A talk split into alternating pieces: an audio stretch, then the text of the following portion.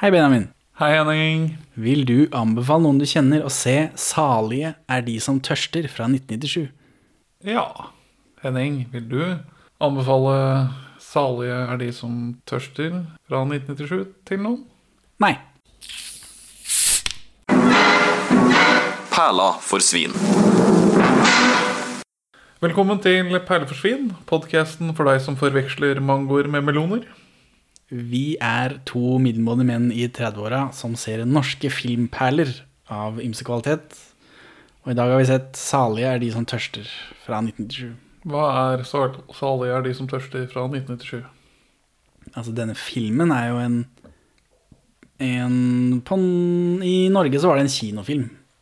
Men den følger en miniserie som heter 'Blind gudinne'. Ah, Som også er basert Eller den første, første Hanne Wilhelmsen-boka til Anne Holt heter 'Blind gudinne', og den andre heter 'Salig er de som tørster'.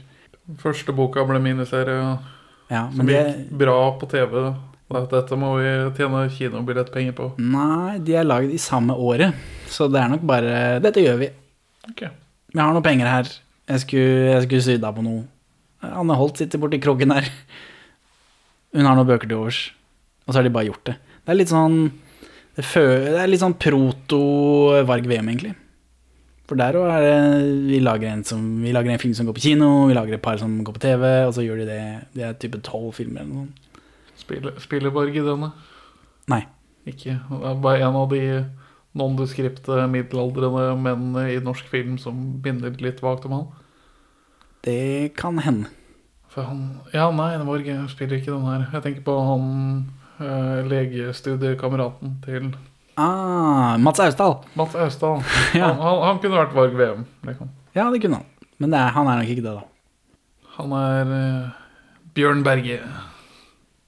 Er det det han heter? Nei, jeg bare finner på tilfeldige norske Nei, han er uh, Morgan Kane. Ja, han spiller jo Morgan Kane, han. Alt er bundet sammen. Hvilke andre kjente fjes er vi glade for å se den filmen her? hvilke andre? Det er jo så mange. Det er han politimannen fra Farlig farvann er med. Nei, det er han ikke. Det er en annen film jeg researcha. Glem det. Men vi har jo andre, andre fra Farlig farvann med i filmen. Ja, Nils Ole. Nils Ole Oftebro. Ole Oftebro. Ikke Ove. Og så har vi broren til Eindride. Det stemmer. Gard, ja, han er med i alle norske filmer, tror jeg. Har jeg inntrykk av nå. Hva heter, hva heter den uh, filmen som han, han Dride er med i? Ja. Ein Dride. At dere tør. Dette er den andre eh, politifolk er dustefilmen vi har sett. Er politifolk dustefolk her, da? De Ja, får det i jo til. De løser det sånn halvveis opp. Gatepolitiet er duster her, vil jeg si. Ja, den ene scenen. Ja. Og UD er vel hell, kommer heller ikke helt sånn plettfritt fra det. UD og uh, Oslos uh, Fremmedpolitiet heter det vel her, da. Street Cops. Cops on the beat, er det ikke noe sånt? eh, beat Cop? De får kjørt seg. Eh, men disse bøkene er skrevet av Anne Holt. Hva vet du om Anne Holt? Jeg heter Anne Holt. Hvilke, hvilke stillinger har hun holdt før? Hun har vært kulturminister. Justisminister. Justisminister, ja. For hun eh, har eh, avlagt juridisk embetseksamen. Ja, eller hun, er, hun har vært politifullmektig. Så, Så hun har ikke avlagt juridisk embetseksamen. Jo, er, ikke det, som, er ikke det sånn politiadvokat, da? Noe, noe lignende? Ja, jeg vil tro det. Og så har hun vært eh, programsekretær i NRK. Ja. Og så Jeg er lesbisk. Altså, altså Du Ja, jeg vet ikke om jeg skal beskrive den gesten du gjør med fingrene der. Nei, ikke den fingrene mine engang. Jeg vil ikke. Men for jeg, Hun er lesbisk, det er helt riktig. Lesbisk! ja, for jeg hadde, jeg hadde glemt det til hovedrollen plutselig var lesbisk. Så var jeg litt sånn ah. Ah, Denne filmen kommer jo i 1997. Vet du når eh, Anne Holt kommer ut som lesbisk? Er det etter eller i 1997? For i denne filmen så er Hanne Wilhelmsen i skapet. Altså denne krimhelten er i skapet. Ja, hun øh, Selv om hun bor sammen med en kvinne, så det vet jeg ikke En fornærmet kvinne. Jo, ja, hun, hun vet vel åssen det ligger an, da. Eh, Men eh, Hanne Wilhelmsen kom ut av skapet i 1999, og Anne Holt kommer ut i 2000. Hæ? Men hun kommer jo ut av skapet i den filmen her. Nei, nei, hun inviterer han ene fyren inn. Det betyr jo ikke Eller ene fyren på middag. Ja, altså han er medarbeider. Mm. Um, Men hun står ikke på toppen av fjellet og skriker. men det blir, Jeg er kvinne, hør meg, hør meg rope. det blir ikke holdt hemmelig for oss at hun er lesbisk. da. På ingen måte. Det vil jeg tro er, eh, er noe de selger filmen på. Se så lesbiske Se så lesbiske de er. Men så Men uh, stilte ingen spørsmål til Anne Holt. Eller man stilte vel kanskje ikke sånne spørsmål før. Eller man stiller kanskje ikke sånne spørsmål nå. Det er vel egentlig en privatsak. når jeg tenker meg. Ja Jeg, vet, jeg, syns, jeg syns det var eh, rart at, eh, at Hanne Wilhelmsen var i skapet. Det gikk, jeg så ikke for meg at det var At hun skulle være det. For sånn kommet av skapet føler jeg som heterofil mann at eh, Ja. det gjør man når man er i tenåra. Men sånn var det ikke på 90-tallet, selvfølgelig. Det tenkte jo ikke jeg noe over. Nei, altså det er jo Det fins jo folk som altså han, Stein, Stein Erik Hagen var jo 60-åra når han kom ut. Så. ja, du finner folk i skapet i alle aldre. Men jeg har ikke Jeg kan ikke si jeg har sett det på lenge. Jeg angrer veldig på hvordan jeg åpna akkurat denne debatten her. Hvordan åpna du debatten med saksinga?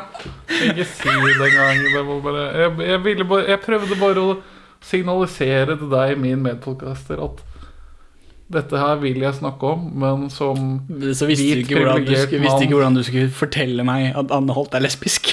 Du kunne brukt de ordene jeg akkurat brukte. Ja, men eh, det er godt å se eh, en lesbisk kvinne i en høy posisjon i politiet, da.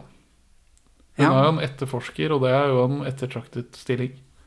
Så det er um, bra av 1997 å ha med litt skikkelig representasjon på eh, filmlerretet. Ja, Hanne Wilhelmsen er vel Det har jeg lest. Er blitt beskrevet som et sånt ikon, da.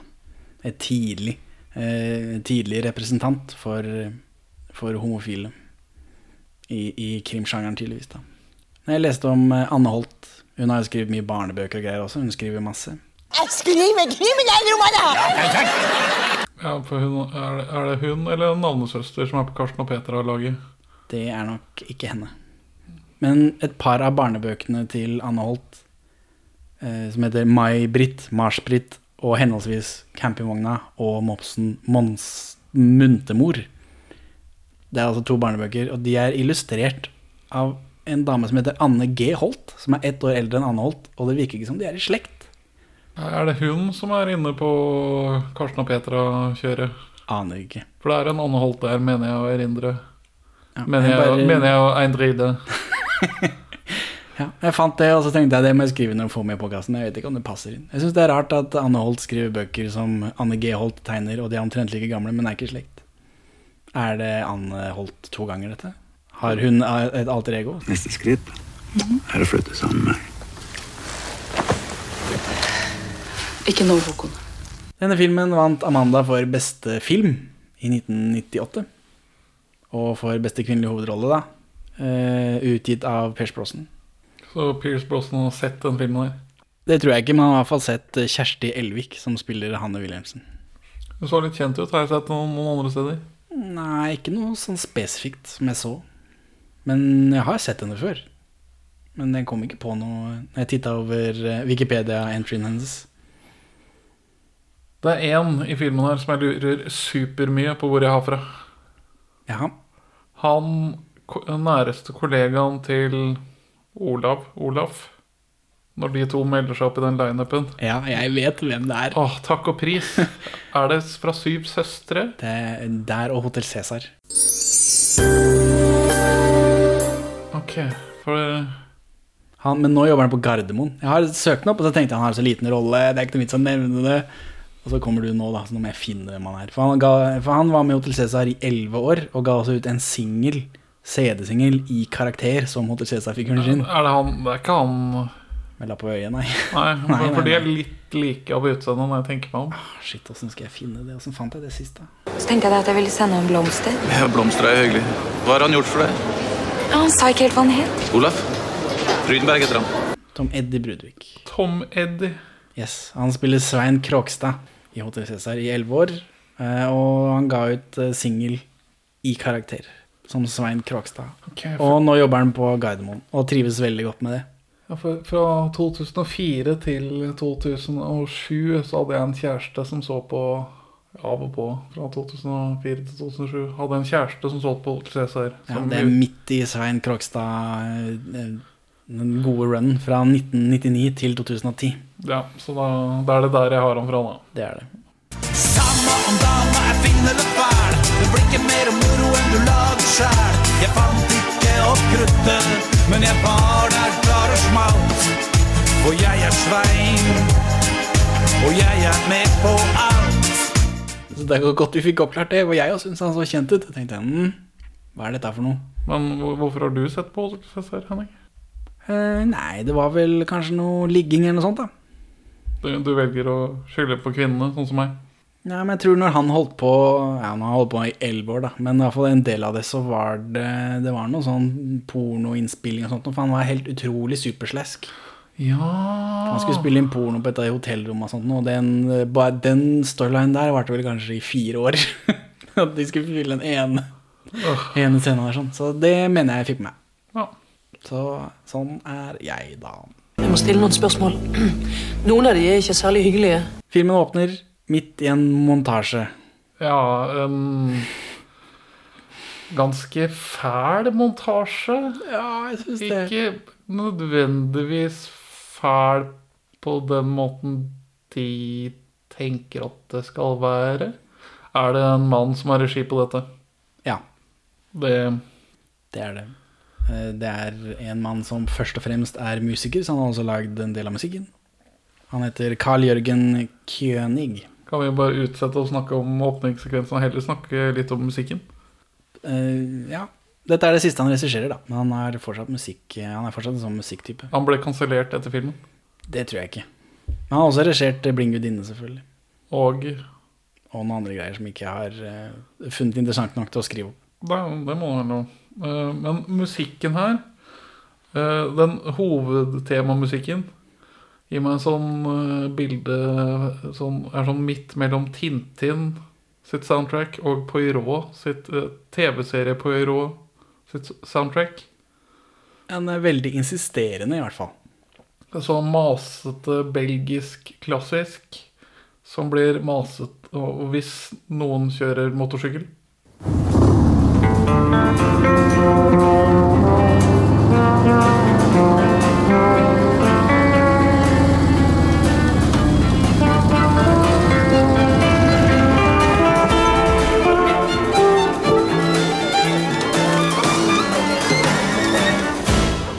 Hver gang, noen kjører motorsykkel i filmen, så blir det sånn Tintin, Poirot, westernmusikk.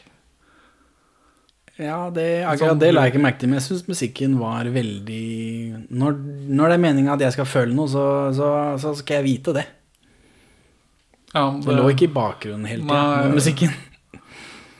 Det- Og de, noen sånne scener som er liksom filma som de skal være litt sånn eh, Som om du ikke nødvendigvis skal få med deg hva som skjer. Så får du med deg hva som skjer fordi musikken forteller deg det.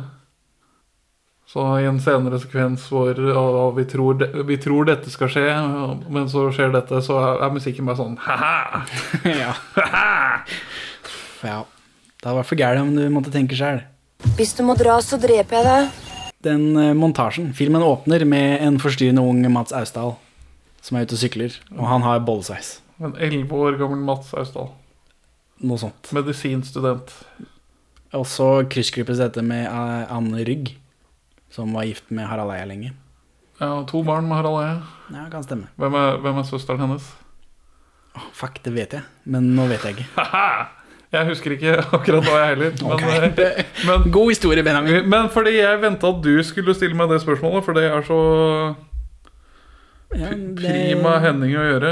Jo. eh, Hun er halvsøsteren til Heggerskøyen. Ja, Det tenker man ikke nødvendigvis så ofte på. Det gjør du ikke. Du får se rumpa hennes i denne filmen her, og puppene hennes kan du se i 70-tallskameratene på Lille Lørdag. Så vet dere det. Ja, for hun spiller mora til Ja, hun spiller mora til en av disse altså, som bare går rundt naken hele tida. Jeg tror det må ha vært i 79 at 70-årene for alvor begynte å gå mot slutten. Jeg har, jeg har en VHS et eller annet sted. En utslitt eh, på akkurat det punktet VHS. Ja, og Da blir det veldig skurrete bilde. Rart, det der. Uh, ung Mats Austdal ja, er ute og sykler. Eh, og så klippes det med at Anne Rygg tar inn på et hotell med en fyr. Jeg forsto det sånn at de skulle være utro med hverandre. For vi kjenner jo ikke disse folka. Hadde vi sett Blind gudinne, så hadde vi sikkert kjent dem. Ja, det, det, Fordi de skal liksom snuske seg inn på et hotell for å ligge med hverandre. Eh, og i senere anledninger, når han inni, eh, prøver å få i gang noen møter mellom de, så spør han om vi skal ta det på hotell, eller Og så sier hun bare 'vi tar hotell'. Og så sier han også at eh, skal vi ikke flytte sammen snart? Så da, jeg, eller, så da skjønte jeg til slutt at ingen av de var sammen med noen andre. Men jeg syntes det var rart at de skulle ta inn på hotell hele tida. Jeg vet ikke. Jeg tror, denne- er, jeg tror det er et habilitetsspørsmål. Det kan hende. Men i denne montasjen så fikk jeg iallfall inntrykk av at å, dæven, Mats Austdal er ute og sykler, og så kommer det noen folk som skal være utro med hverandre. Og så klippes det derfra til to random lesber. Ja. For oss, da. Ja, vi kjenner ikke disse lesbene. Det viser seg at det er Hanne Wilhelmsen og hennes samboer Cecilie som eh, er nakne og ligger med hverandre. Og det er klippet ganske eh, Det klippes hardt. Og fort og ofte. Og det er veldig mye, mye nakenhet. Det er det. Mye pupper rett i fjeset. Er, er, var det det? Ja. Det var mye rumpe. Det var det. Det var mye hud. så mye ikke noe kjønn, men det var mye pupp i rumpe. Og hva er det tredje vi klipper til? Ja, nei, det er to par som har eh, Samtykkende sex. To par som har samtykkende sex med hverandre, klippes kryssklippes med en øh, voldtekt. En brutal hjemmeoverfallsvoldtekt. Og det klipper den frem og tilbake til. Hele tiden. Og, og så er det klassisk musikk oppå. Og så får vi også et kjapt bilde av Nils Ole Oftebros bilde som er på veggen.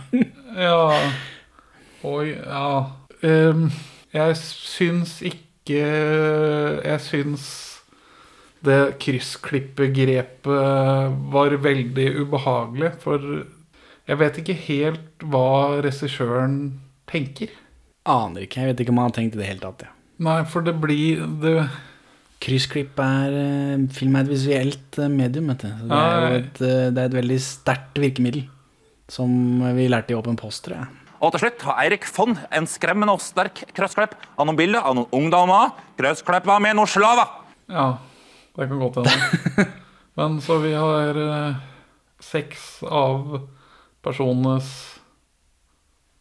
Seks av eh, hovedpersonene fra persongalleriet til den filmen her som eh, gjør noe med kjønnsorganene sine, som vi kryssklipper frem og tilbake mellom. Og, men det, det blir Ja, nei, jeg, jeg samtykker ikke til måten det ble løst på. Nei. Det, jeg vet ikke om du ville gjort det sånn akkurat i dag. For du er enig i at det ikke helt fungerte som det var tenkt, eller? Ja, ja, jeg vet ikke hva han har tenkt på, jeg, men fungerte gjorde det ikke. Jeg ville jo tro Nå trodde jeg at eh, Anne Rygg var utro. Så da trengte jeg at ja, dette er selvfølgelig syndfullt og fælt, og voldtekt er jo ganske syndfullt, og så er lesbisk og homofil sex er det også syndfullt. Ja, som om den prøvde å trekke et sånt likhetstegn mellom uh, tre uh, forbrytelser mot Gud. Uh. Det, for det var det som slo meg, kanskje, da. Men det er jo mulig han tenkte på Nei, han hadde ikke tenkt på kontrasten heller, for da hadde han ikke klipt disse eh, koselige sexscenene like hardt. Da ville det ville vært hyggeligere hos de som faktisk hadde det hyggelig. Men nå er det klipt like brått mellom eh, bevegelser og sånt, og sånn som det var. Og det er lyst hos de som har samtykkende sex, og det er mørkt hos de som blir brutalt voldtatt. Hos hun, ja. Uh, nei, så jeg syns ikke, jeg syns ikke det var noe hyggelig, og jeg syns ikke det var uh, Jeg syns, jeg syns det var usmakelig. De, eh, jeg tok tida. De første fem minuttene er bare sex og pupp. Men så Og så er det noe kontinuitetsbrudd inni der. Men altså, jeg vet ikke hvor hvor lenge man skal uh, diskutere den tekniske gjennomføringen av en voldtekt. Jeg vet ikke hva han- Jo, det at, han, at hun plutselig hun ligger på magen til å begynne med, og så er hun plutselig på ryggen. Ja. Eller omvendt. Og Nei. Ja, hun er og- bundet fast Hun er bundet hardt fast. Med noe vaier av noe slag. Ja, og så plutselig så er hun snudd. Ja. Det la jeg merke til, men så tenkte jeg ja, ja, whatever. Og, og, Det fokuset er på noe annet, tenkte jeg. og så har hun ikke nok skader på håndleddene sine til å ha vært Altså Nei, men de har gjort noe, da. Så det, det ser jeg på som representativt for det det, for det det egentlig skulle vært. Ja. Og så jeg, jeg, jeg syns det var exploitative, liksom den shoten av rumpa hennes når faren hennes kommer inn for å slippe henne fri dagen etterpå. Altså, det, det, det, det er ikke, ikke å, å stil, stilisere voldtekt på den måten som blir gjort her, det syns ikke jeg er greit. Voldtekt er jævlig, og det burde fremstilles jævlig, ikke liksom gjøre det til noe estetisk. Hvis du skjønner hva jeg mener? Ja, nei, det var, eh, det var ubehagelig, men ikke på en god måte. Jeg vet ikke. Det var Hadde hadde de bare filma det fælt og ubehagelig, uten å blande inn disse to andre parene som hadde hyggelig sex, Ja, kanskje det har blitt bedre. Ja, for nå skulle det liksom funke i en sånn kunstnerisk eh, Et kunstnerisk grep med kryssklipping, og det fungerte ikke. Det, Jeg er glad du er kansellert, eh, Jørgen Fossmo, eller hva du het. Jørgen, Carl Jørgen König. Ja, jeg traff på et navn. Jeg er glad du er eh, kansellert, Carl Jørgen König. Eh, og så drar vi fram eh, norsk film bingo-kortet vårt. Og dette eh, det er jo nesten full kortstokk her. Ja, nesten. Vi kan, eh, vi kan ta eh, voldtekt, da. Pop, ute. Så da krysser vi av den. Og så er det norsk politi kjører Volvo. Neste. Hva syns du om disse Volvo-bilene? Alltid, alltid glad når jeg ser en gammel Volvo, siden jeg er kjempeharry. ja. Og så kommer det en TV-intro. For den versjonen vi har sett, er en tysk rip-off på YouTube. Og da er det tydeligvis en Tyskland skjønner såpass at dette er en TV-film. Det er ikke noe du viser på kino. Så jeg tror de har brukt en sånn intro på samme måte som de, de gjorde på TV-serien, uten at jeg har sett TV-serien. Men du, Så du tror ikke det var sånn på den norske kinoversjonen? Da tror du det var mer fancy? Så det er sånn vi gjør det her i Norge? Mer fancy? Eh, Kanskje, kanskje de har brukt den samme fra TV-serien. Det har de sikkert gjort. Jeg bare tenkte at den introen så Den vignetten, det, var, det der er TV, tenkte jeg. For det er ikke sånn man har på en ordentlig film. Og siden de har produsert denne, eller gitt den ut på, på film, så, så tenkte jeg at det var bedre enn det var. Men du har nok rett, de har nok brukt den samme, bare de har sendt den på kino istedenfor. Ja, også med den norske tittelen i Den norske tittelen, ja, for den uh, Dette var jo en tysk versjon, tydeligvis. Uten tekst. Jeg sjekka, er det tekst på den, liksom? Nei. Så, så det, det tyske markedet skriker for øh, norsk krim fra 1997 øh, på norsk uten tekst. Nå kan jeg ikke love at tysken min er spesielt god her, men tittelen er da 'Rache für meine Tochter'. Ja, jeg vet ikke hva det betyr. Jeg antar det er noe lignende som 'salig er de som tørster'. Hva betyr tittelen? Jeg, ser for meg det er noen bibelgreier. Ja, for det er den, det er den der mor Teresa-taket på kristendommen at man er ekstra hellig. Altså at å lide er en hyllest til Gud. Det er mulig. Salige er de som tørster. Hva syns du om den introen? Den amatøraktige TV-introen. Det minner meg om Fox Grønland-introen. Eh, Krim. Krimstemning. Ja, veldig krimmete òg. Altså Ja. Bedre enn Fox Grønland. For Fox Grønland er ræv. Men introen Jeg husker ikke introen til Fox Grønland.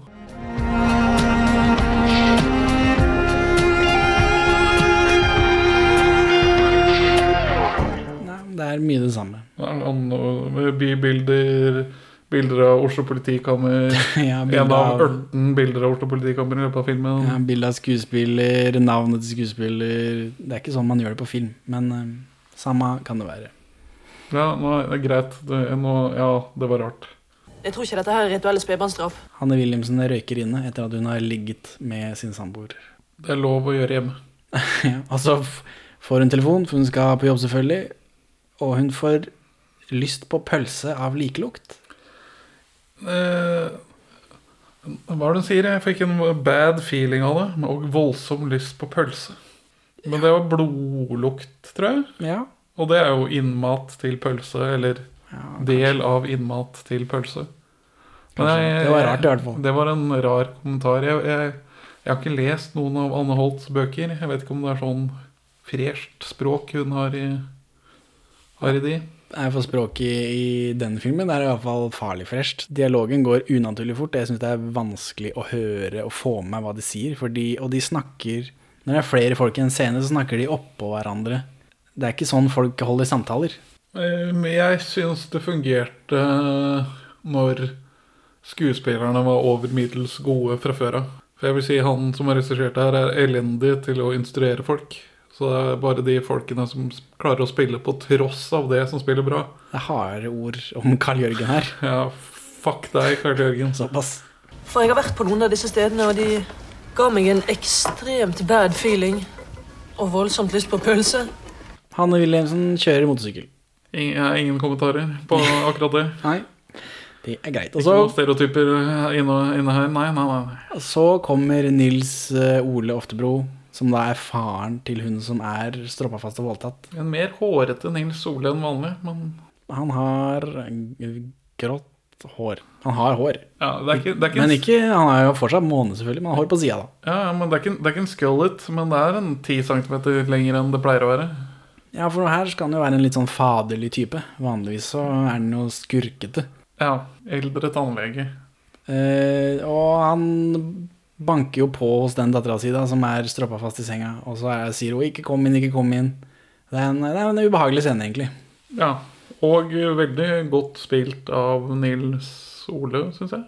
Ove? Ole? Nils Ole. Ole. Ja, ja, jeg vet ikke. Jeg syns det var ubehagelig. Situasjonen var ubehagelig, og da ble jeg litt sånn trist når jeg måtte dra fram eh, norsk film eh, bingokortet mitt og kryssa for grining. Ja. Krysse av for norsk filmgrining. For det sponser Nils Olo på oss, da.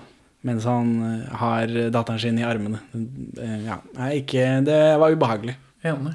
Og så kommer politiet, da, og så blir hun eh, Kristine, som hun heter, etter voldtektsofferet, tatt med ned på, på, i, i politibilen og inn på sykehuset og greier. Men da har hun pledd på seg. Hvorfor har alle voldtektsofre pledd på seg i filmer? Um, det er vel alle offer generelt, tror jeg. Altså at når politiet har tatt, tar hånd om et offer, så slenger de et pledd på dem. Har de, har de bare masse pledd?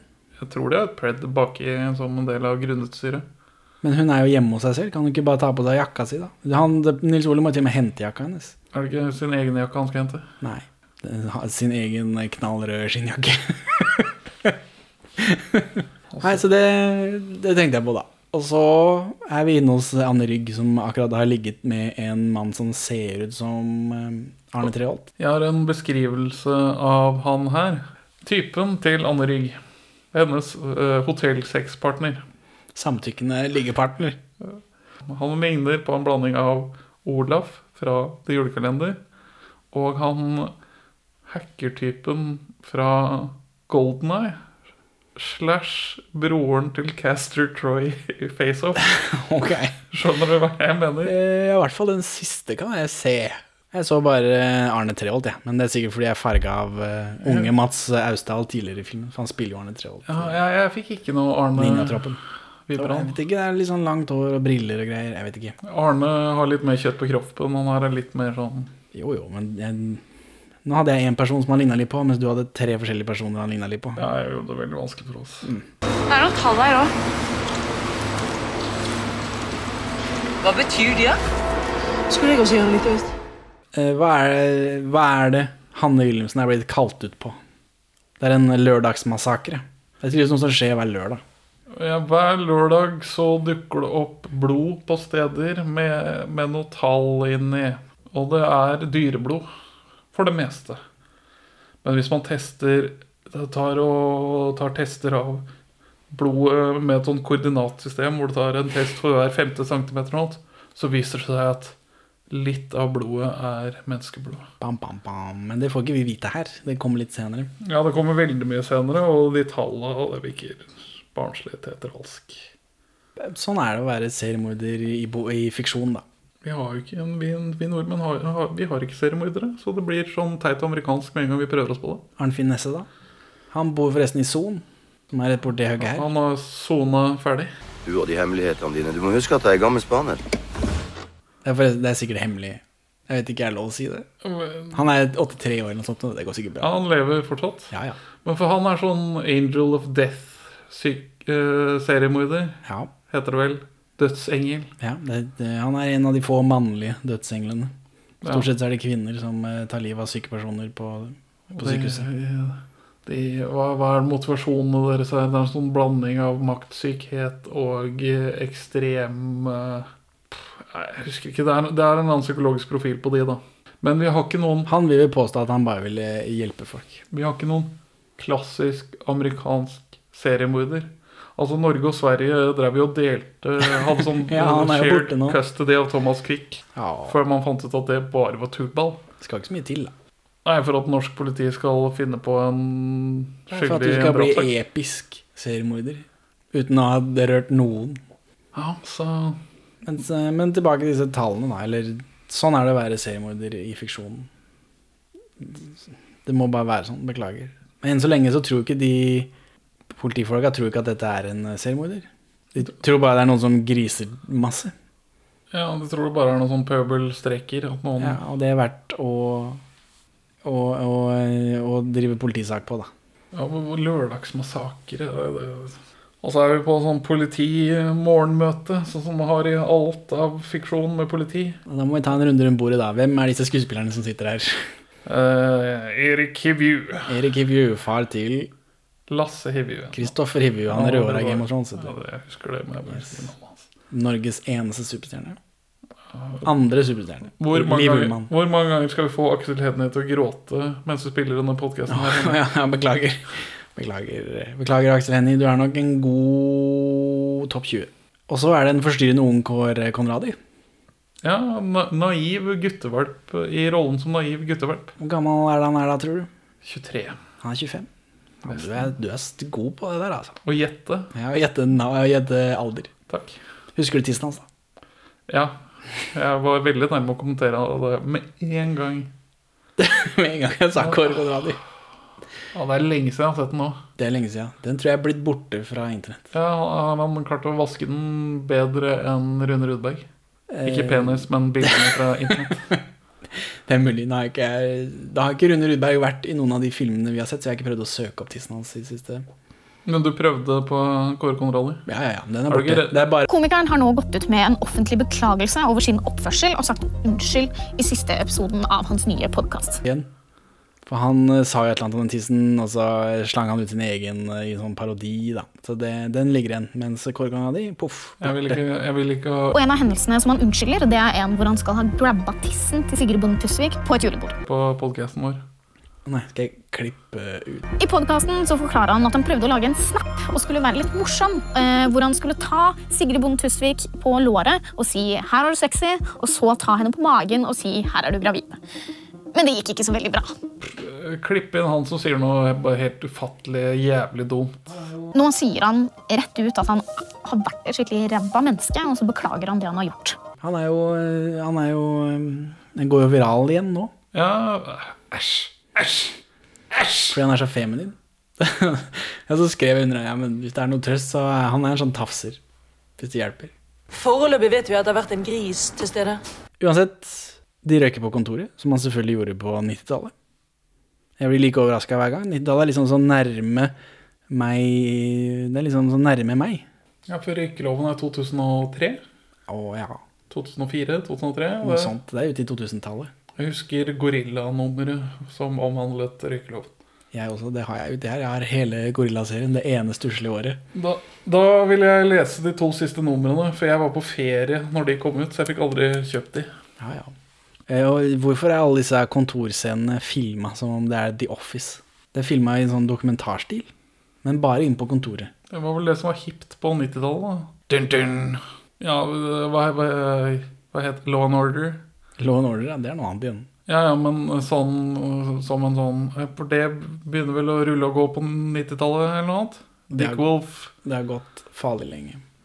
Men eh, den derre litt slappe måten å filme politikontor på, tror du ikke det er norsk, eh, altså amerikansk stil som drypper sakte, men sikkert over på den norske?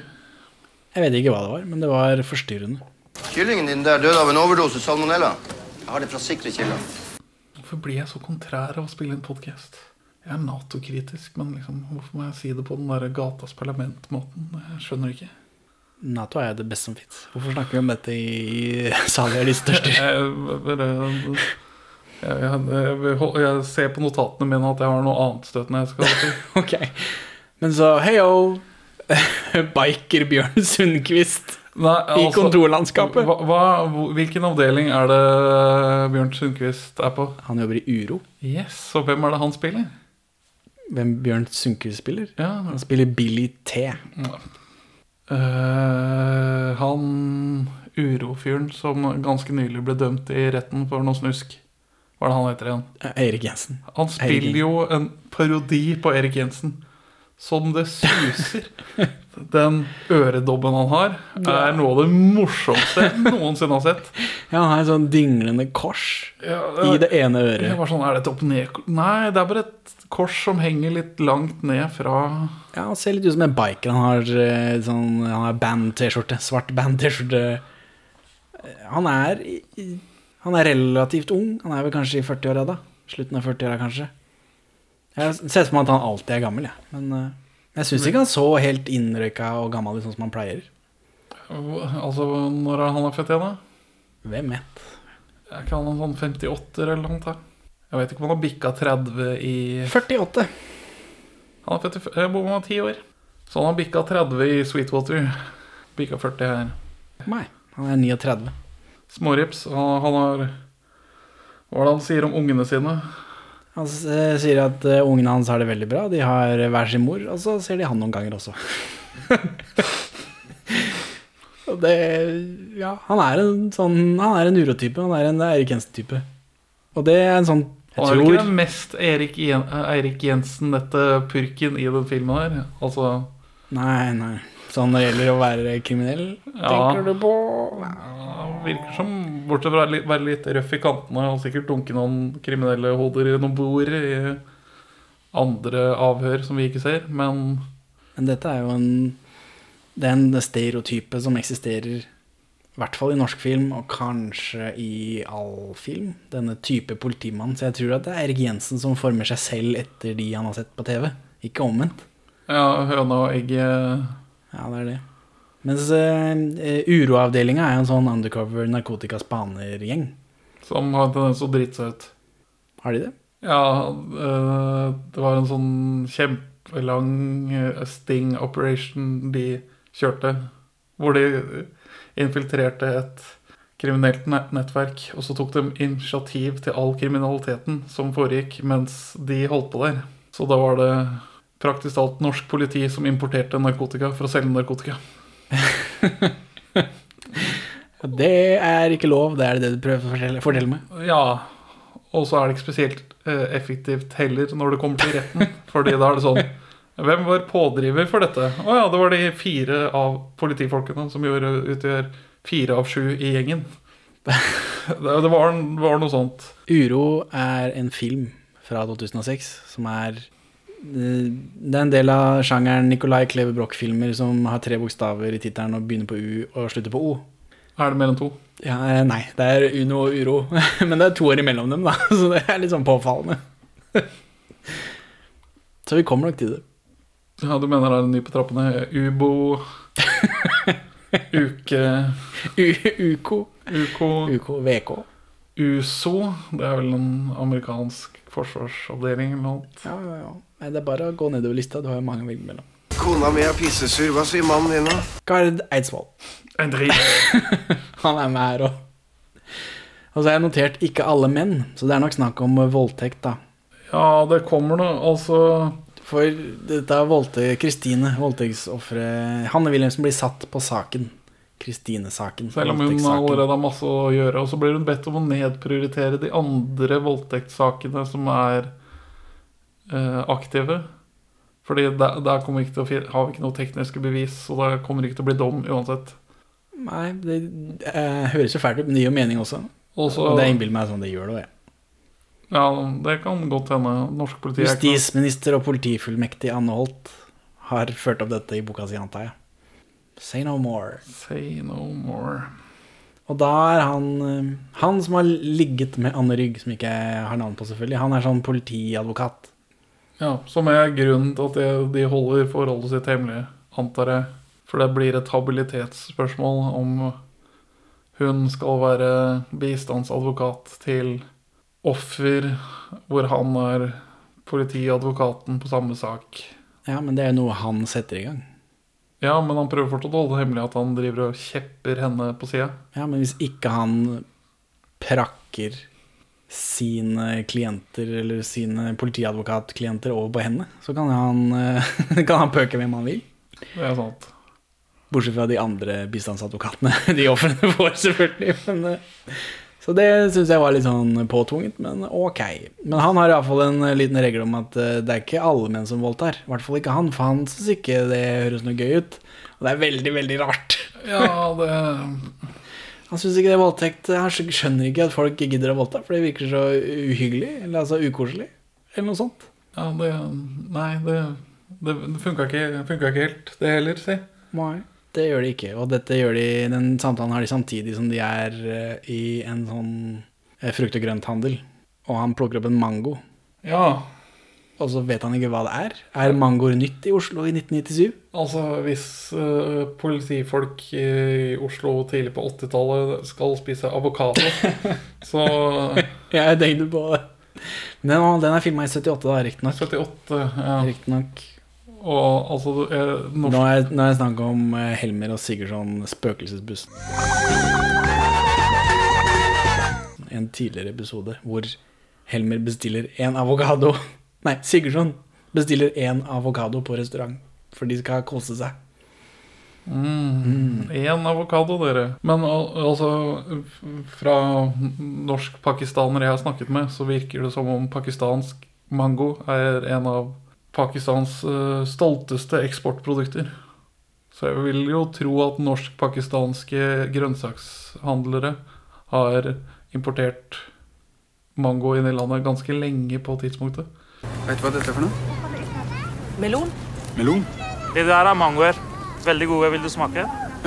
Vi blir, så blir vi introdusert for en annen hovedperson, et akvarie. Ja. Jeg bare det, Estetikken i filmen her. Og filmen har et par sånne klippegrep den tar. Eh, når noen skal vise sterke følelser, så er det gjerne tre I hvert fall tre nærbilder av et ansikt. Som hvor man tar en jump cut, altså man klipper mens man holder samme bilde. For å skape en litt sånn unaturlig effekt. Det merka jeg meg også. Noen ganger de hopper Bare de tar et kvart sekund av scenen en gang til. De hopper litt fram, og så begynner de Jeg vet ikke. Det er for å sette oss ut, da, men det var eh, Det ser bare ut som det er noe galt med, med, med YouTube-rippen min.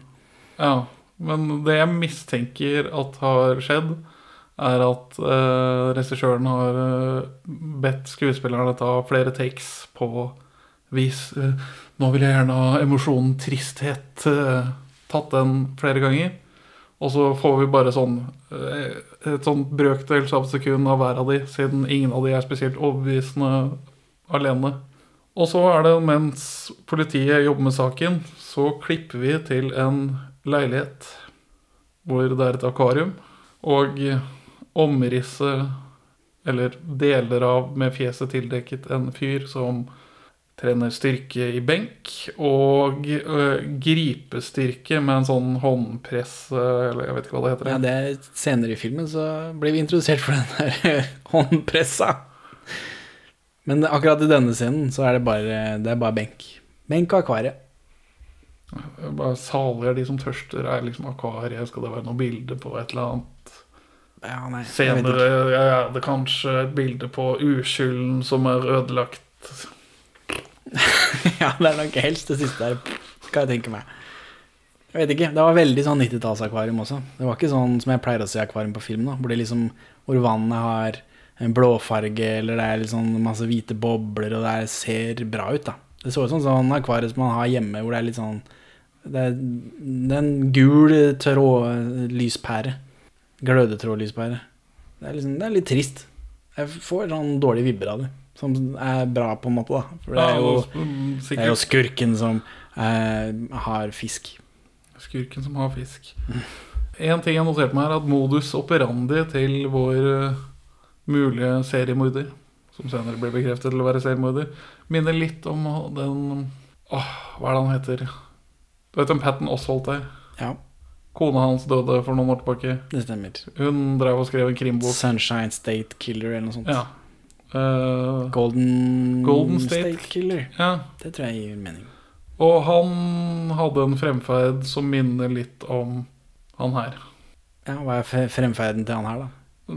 Nei, Og eh, bryte seg inn hos noen folk og voldta de brutalt og gå igjen et, etter å ha bindt dem fast. Og noen ganger drepe folk. Det er kanskje BTK jeg tenker på. Ja. Han Nå husker jeg ikke hva ben står for, men de to andre er torture kill. Bind. Bind, torture kill. Kanskje det er han du tenker på. Dennis Raeder. Mm. Eh, seriemorderen som ble tatt, av en diskett. Dreit seg ut med en diskett. Uansett. Mystisk iranernabo. Hanne Wilhelmsen eh, og Gard. Nei, jo. Eller er det Kåre Conradi? Jo, alle sammen. Hele gjengen. Hele gjengen. Hanne Wilhelmsen, Kåre Conradi og, og, og Gard, broren til Eintide. Drar tilbake til, til oppgangen hvor, hvor Kristina har blitt voldtatt, og så avhører de eh, naboene. Og Hanne Wilhelmsen eh, går inn i leiligheten over, og der bor det en mystisk iranerkvinne. Som ikke lukker døra når hun kommer hjem. En mystisk iranerkvinne som har en rar måte å snakke på. Ja, for hun er jo iraner, da. Ja, men det hørtes jo ikke sånn ut. Jeg vet ikke. Det hørtes ut som en, eh, en person av dansk oppvekst som prøver å høres ut som nondescript innvandrer. Vet ikke. Og, også, og som en av iransk herkomst så står jeg fritt til å kommentere dette så mye jeg vil. Så mye jeg vil! Ja, det er greit. Jeg er ikke så lett sover. Nerve. I Iran jeg er i fengsel, og devokterer. Noen natter er ikke så godt. Men vi blir iallfall interessert for denne mystiske iranernaboen som helt tydelig driver med noe snusk. Ja, et eller annet er muffens her. Ja, Er det denne kvinnelige iranernaboen som er mørderen? Voldtektsmørderen? Det virker jo litt rart. Det virker jo litt rart. Så vi blir introdusert for henne, og så blir vi introdusert for en litt eldre dame nede. Som egentlig ikke har noe å si. Og så en gammel, rar knerk i toppen, toppetasjen. Ja, som så- har papegøye. Papegøye og litt sånn Hitler-bart-tendenser. Ja. Du trenger ikke skrike, jeg er gammel, ikke døv! Ja, mens hun Jeg håpte papegøyen skulle avsløre morderen på noe tidspunkt, men det kom dessverre ikke. Nei. eh, Det, ja, du sier noe. Han er veldig dårlig til å lage kake, da. Han gamle gubben. Ja, var, var ikke kaka noe god? Nei, han spytter den ut. Han, de Kåre Conradi får kakebit, og så tar han en bit av det, og så spytter han ut i koppen med en gang. Utakknemlighet. Ja, fy søren. Men så Kristine, dette voldtektsofferet, blir jo da henvist til Anne Rygg, som er advokat, som blir bistandsadvokaten hennes.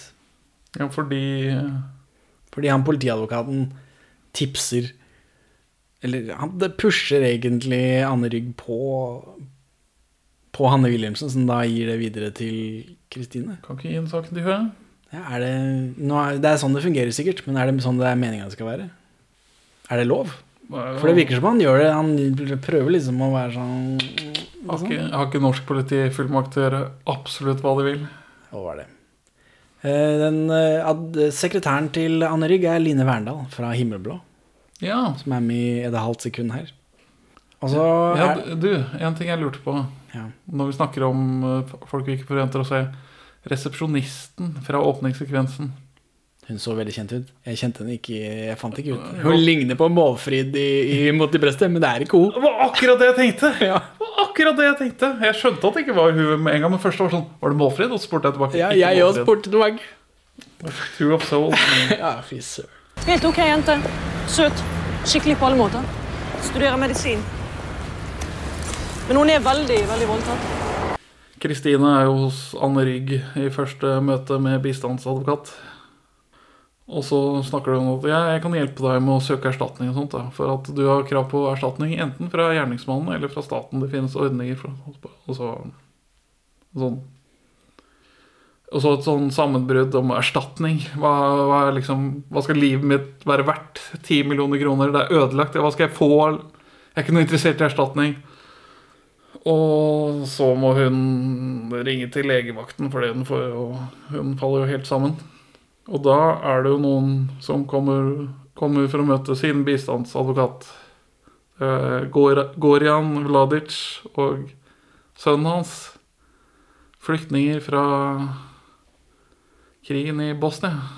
For det, den er jo vinden i 1997. Ja Gorian virker som en veldig god pappa. Han Han kjemper for at uh, sønnen hans skal få den helsehjelpen han har krav på. Og som det blir veldig tydelig for oss at han trenger også. Ja, i hvert fall senere. Ja. Men uh, han får ikke møte advokaten sin. Han, det ble, møtet ble kansellert. Men jeg, bare, de kommer tilbake senere, så jeg syns vi må huske å nevne dem. Nei, jeg skjønner meg ikke med sånne folk. Mm? Eller sånne mannfolk, mener jeg. Sjøl om jeg også er mann. Du er vel ikke en sånn mann, er du? Hva? Å nei. Nei. Nei. Nei, men jeg liker ikke de sakene. Ja, for nå er det forsøk på voldtekt i vaskekjeller. Det stemmer. Eh, Og så blir han voldtektsmannen blir klor i ansiktet og klipt i balla, så han er ikke like smooth som han andre voldtektsmannen. Nei, men han har Nå, enn så lenge så skal vi tro det er samme, da. For han driver og prøver å binde henne opp, og, og, og den brutale volden er jo speiler jo forrige Men altså, når man skal lage, lage krim, så er det ikke noen annen måte å gjøre det på enn å, å bare ha red herrings. Røde makreller så langt øyet kan se. Havet, krimhavet vrimler av makrell. Ja, det Herring er makrell, ikke sant? Det er ikke sild. Jøss. Jeg har jo ikke voldtatt noen. Nei? Men så spør dama, da. Hun klarte jo faen meg nesten ballene av meg i går. Uh, hun klarer å rømme. Og så uh, løper hun rett på en politibil, heldigvis for henne, og så fanger de han voldtektsmannen. Ja, ja, jeg syns den sekvensen i det hele tatt var litt rar. For det, politimannen kommer ut, selv om det er en fyr som løper bort. Ja. Altså Enhver politimanns instinkt vil være å løpe etter og takle han. Men han vil ta vare på offeret. Ja, ja, Det virker som om hun sier til han hva som har skjedd, og han er sånn Inn i bilen! Og så pløyer de ned han eh, Eller det gjør vi, vi får ikke se noe annet enn at de kjører etter han, og så har de fanga han. Det er ikke, det er ikke at dere tør dette, hvor de kjører over folk villig vekk, politifolka. Og så får vi en Er det lov Mm, Det kommer et ord på betegn på mørkhudet eh, person som jeg vet ikke om vi har lov å bruke lenger. Vi får vel klippe det inn, da.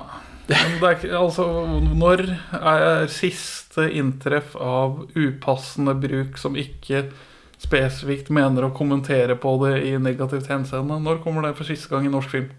Jeg vet ikke, men akkurat, akkurat det ordet her, som eh, man kunne sagt slavearbeid istedenfor, uh, har jo akkurat vært en sak oppe i Askim. For det er en håndverker ja. der som har dette ordet på klistremerk bak på bilen sin. Og skal ikke se bort fra at han vant den saken uten at jeg fulgte med på det. Nei, Jeg husker ikke hva slutten på det var. Og jeg gjør alt negerarbeidet. Vi har dessverre ingen negre til å gjøre det. Det står eh, 'Vi hjelper alle. Vi utfører alt i' Og så er det dette ordet 'erbe'. Og så er det en, eh, en grusom karikatur av en mørkhudet person med, med kjøttbein i, i håret. Ja, det, jeg, jeg syns ikke det er greit. Nei. Jeg syns det tilhører fortiden og museumsutstillinger som viser hvor teit og jævlig det er. Vi burde ikke være fanebærere for fortidens dehumanisering. Påstand. Men Kjenner jeg deg rett, så kommer det en, et Paul Bang-Hansen-klipp her et eller annet sted. Nei, det er ikke det brukt, da. Jeg kan bruke det igjen, hvis du vil at jeg skal klippe inn Paul Bang Hansen, som sier svartingene. Du kan klippe inn eh, Paul Bang-Hansen i den forrige dag, da. Har det kommet inn tips om kvinner? Ja, skal jeg kaste dem? Det kan du trygt gjøre. Avhøret av eh, denne serieforbryteren eh, i kjelleren. Som ikke vil si hva han gjorde på lørdag, selvsagt. Eh, han prøver å få seg advokat. Det går ikke så veldig bra for han. uh, og så prøver han å nekte på blodprøve. Og så sier hun ja, men da burde du snakke med denne advokaten din. Da. Og så kommer han til å si at politiet kommer til å få en fullmakt til å gjøre det etter hvert uansett. Og så gir hun han en sigarett, og da samtykker han til å blodprøve. Klassisk. Det må være vanskelig å være politiperson nå, når ikke man kan eh, bare gi folk eh, sigaretter inne på kontoret. Ja, altså kan jeg gi noen snus nå. Nikotinplaster. Jeg holdt på å si lakrispipe, men du får ikke lov til det heller. Snøff. Snøff, ja. Hockeypulver. Hockeypulver er lov ennå. Og så er Anne Rygg på en psykiatrisk avdeling. Nei, hun er på et asylmottak. Et asylmottak. Hvorfor er hun der, da? Fordi hun skal besøke Gorian med familie. Og da går bare Jørgen Langhelle forbi kamera. Og det er sånn hmm. Har du en snakkende rolle, og du er en middels pluss kjent norsk skuespiller, og du Men i første de første to gangene du er med, så får vi ikke noe navn å sette på deg. Huh. Det var rart å ha en så gjenkjennelig norsk skuespiller i en rolle som ikke virker til å være noen særlig til rolle. Ja ja, kanskje han kjenner regissøren og bare stilte opp i en cameo, dere. Eller kanskje han er mørderen. Kanskje det. Det gikk en alarm i meg, for å si det mildt. Ja, det gjorde det når han gikk forbi. Og jo, og tidligere inne på dette kontoret også, så driver Hanne Wilhelmsen og håndterer noe, eh, noe politimapper. Og på et tidspunkt da så får vi også se et sånt saksnummer. Og da kobler jeg det med de numrene som er på veggen der, sånn, men det har ikke de gjort, da. Nei, det tar lang tid. For det kom ganske tidlig. Altså, og så er det ingen som nevner det. Jeg tenkte ja, ja, det kommer vel. Eh, Voldtektsofre får vel også bla i et sånt eh, eh, norsk bildemapp over eh, Eller en bildemapp over norske eh, Voldtektsmenn. Ja. Kriminelle. Ja, det er noe sånn du skal finne bilder, og så skal de tegne den, og så Og så er hele tida så er Nils Ole Oftebro med. De har Kristine, voldtektsofferet, og Nils Ole Oftebro, som er far og datter, har et veldig rart forhold. Det blir også kommentert av karakterene i filmen. At de har et eh, kanskje litt ubehagelig nært forhold. Ja, og- Men så er det tydeligvis sunt, da. Det er vel der Bjørn Sundquist sin kommentar om uh, hans barn og deres, hver deres mor kommer Ja. inn. Uh, men hun har også en sånn rar kommentar om at eh, jeg håper de finner han for pappas skyld. Jeg, jeg, Fordi han tar så hardt på dette. At hun er ødelagt, på en måte. Og sist jeg så Nils Ole Oftebro, eh, så var han skurk. Så jeg hadde det litt for top of mind. Ja, altså er, Han er skurk støttestadig, syns jeg. Men Ja. dette er jo faktisk andre gangen vi har sett en film hvor han ikke er skurk. Spøkelsesbussen, der er han eh, random bussjåfør i tre sekunder. Det er sant. Mhm. Eh, men så jeg, jeg fryktet eh, at eh, han skulle være gjerningsmannen. Ja, jeg var litt sånn bekymra for det òg, men da På grunn av det der dragningen over til bildet av han. Ja. det var sånn, altså Når du kan ha en sånn ekkel kunstnerisk voldtektsscene, så Altså Norsk krim spiller for sjokkverdi. Jeg hadde ikke blitt sånn veldig overrasket. Nei, nei, jeg, det var inne på tanken, selvfølgelig. Selvfølgelig. Ja, altså Nils Ole i film, eh, skurk, bing bong. Det sier seg selv. Uh, og så Men dette er politihuset hvor de Er dette det samme politihuset som i Helmer og Sigurdsson? Ja. For det er det ordentlige politihuset. Det er nede på Grønland. Ja, Hva har dere gjort det på? Jeg har vært der og skaffa pass. Uh, det- Hva følte du når du gikk i fotsporene til Helmer og Sigurdsson? Og dessverre Og Hanne Wilhelmsen? Dessverre var passet før podcastens tid. Ah. Men eh, jeg skulle ta et passbilde med en sur treåring. Så det tok tre og en halv time med forsøk. Ha, har du prøvd eh, å slå henne? Nei. Nei, det er, det er feil, ikke sant? Hun slår meg noen ganger, og da later jeg som om jeg skal slå henne. Det er veldig morsomt, syns hun. Ja. Ja, fordi hun vet at det, er, det bare er to meter slutt. Det er korrekt. Mm, ja, ja. Det er, jeg har ikke barnese, jeg kan ikke om det. Hørte du noe uvanlig nå natt til søndag? De trenger ikke skrike. Jeg er gammel, ikke døv. Men Benjamin, du maser jo som et lokomotiv, så denne episoden er også så lang at det må bli en dobbeltepisode. Så ha det da, Benjamin. Takk for at du hører på Perler for svin. Du finner oss først og fremst på perleforsvin.no, men også på Twitter under perler-for-svin, Facebook som perleforsvinpod, eller du kan maile oss på perleforsvinpod at gmail.com. Gi oss gjerne en eh, rating i din lokale podcast-avspiller, og, og legg igjen en beskrivelse, så folk skjønner hva det er for noe tull vi egentlig driver med. Her er ukas Paul Bang-Hansen-sitat ute av kontekst. Donald Sutherland, for eksempel, som vi nylig har møtt, han mener at nå har Hollywood tapt sin siste rest av uskyldighet. Vi har ingen kapasitet, og når det gjelder disse voldtektene, så har vi ikke gode nok tekniske bevis. Ikke noen av dem, og det vet du like godt som jeg. Du burde også drikke litt vann. Hvorfor det? Er jeg tørr i munnen? Nei, men det kommer sikkert til å bli det. Takk, pappa. Bare hyggelig, kjære sønn.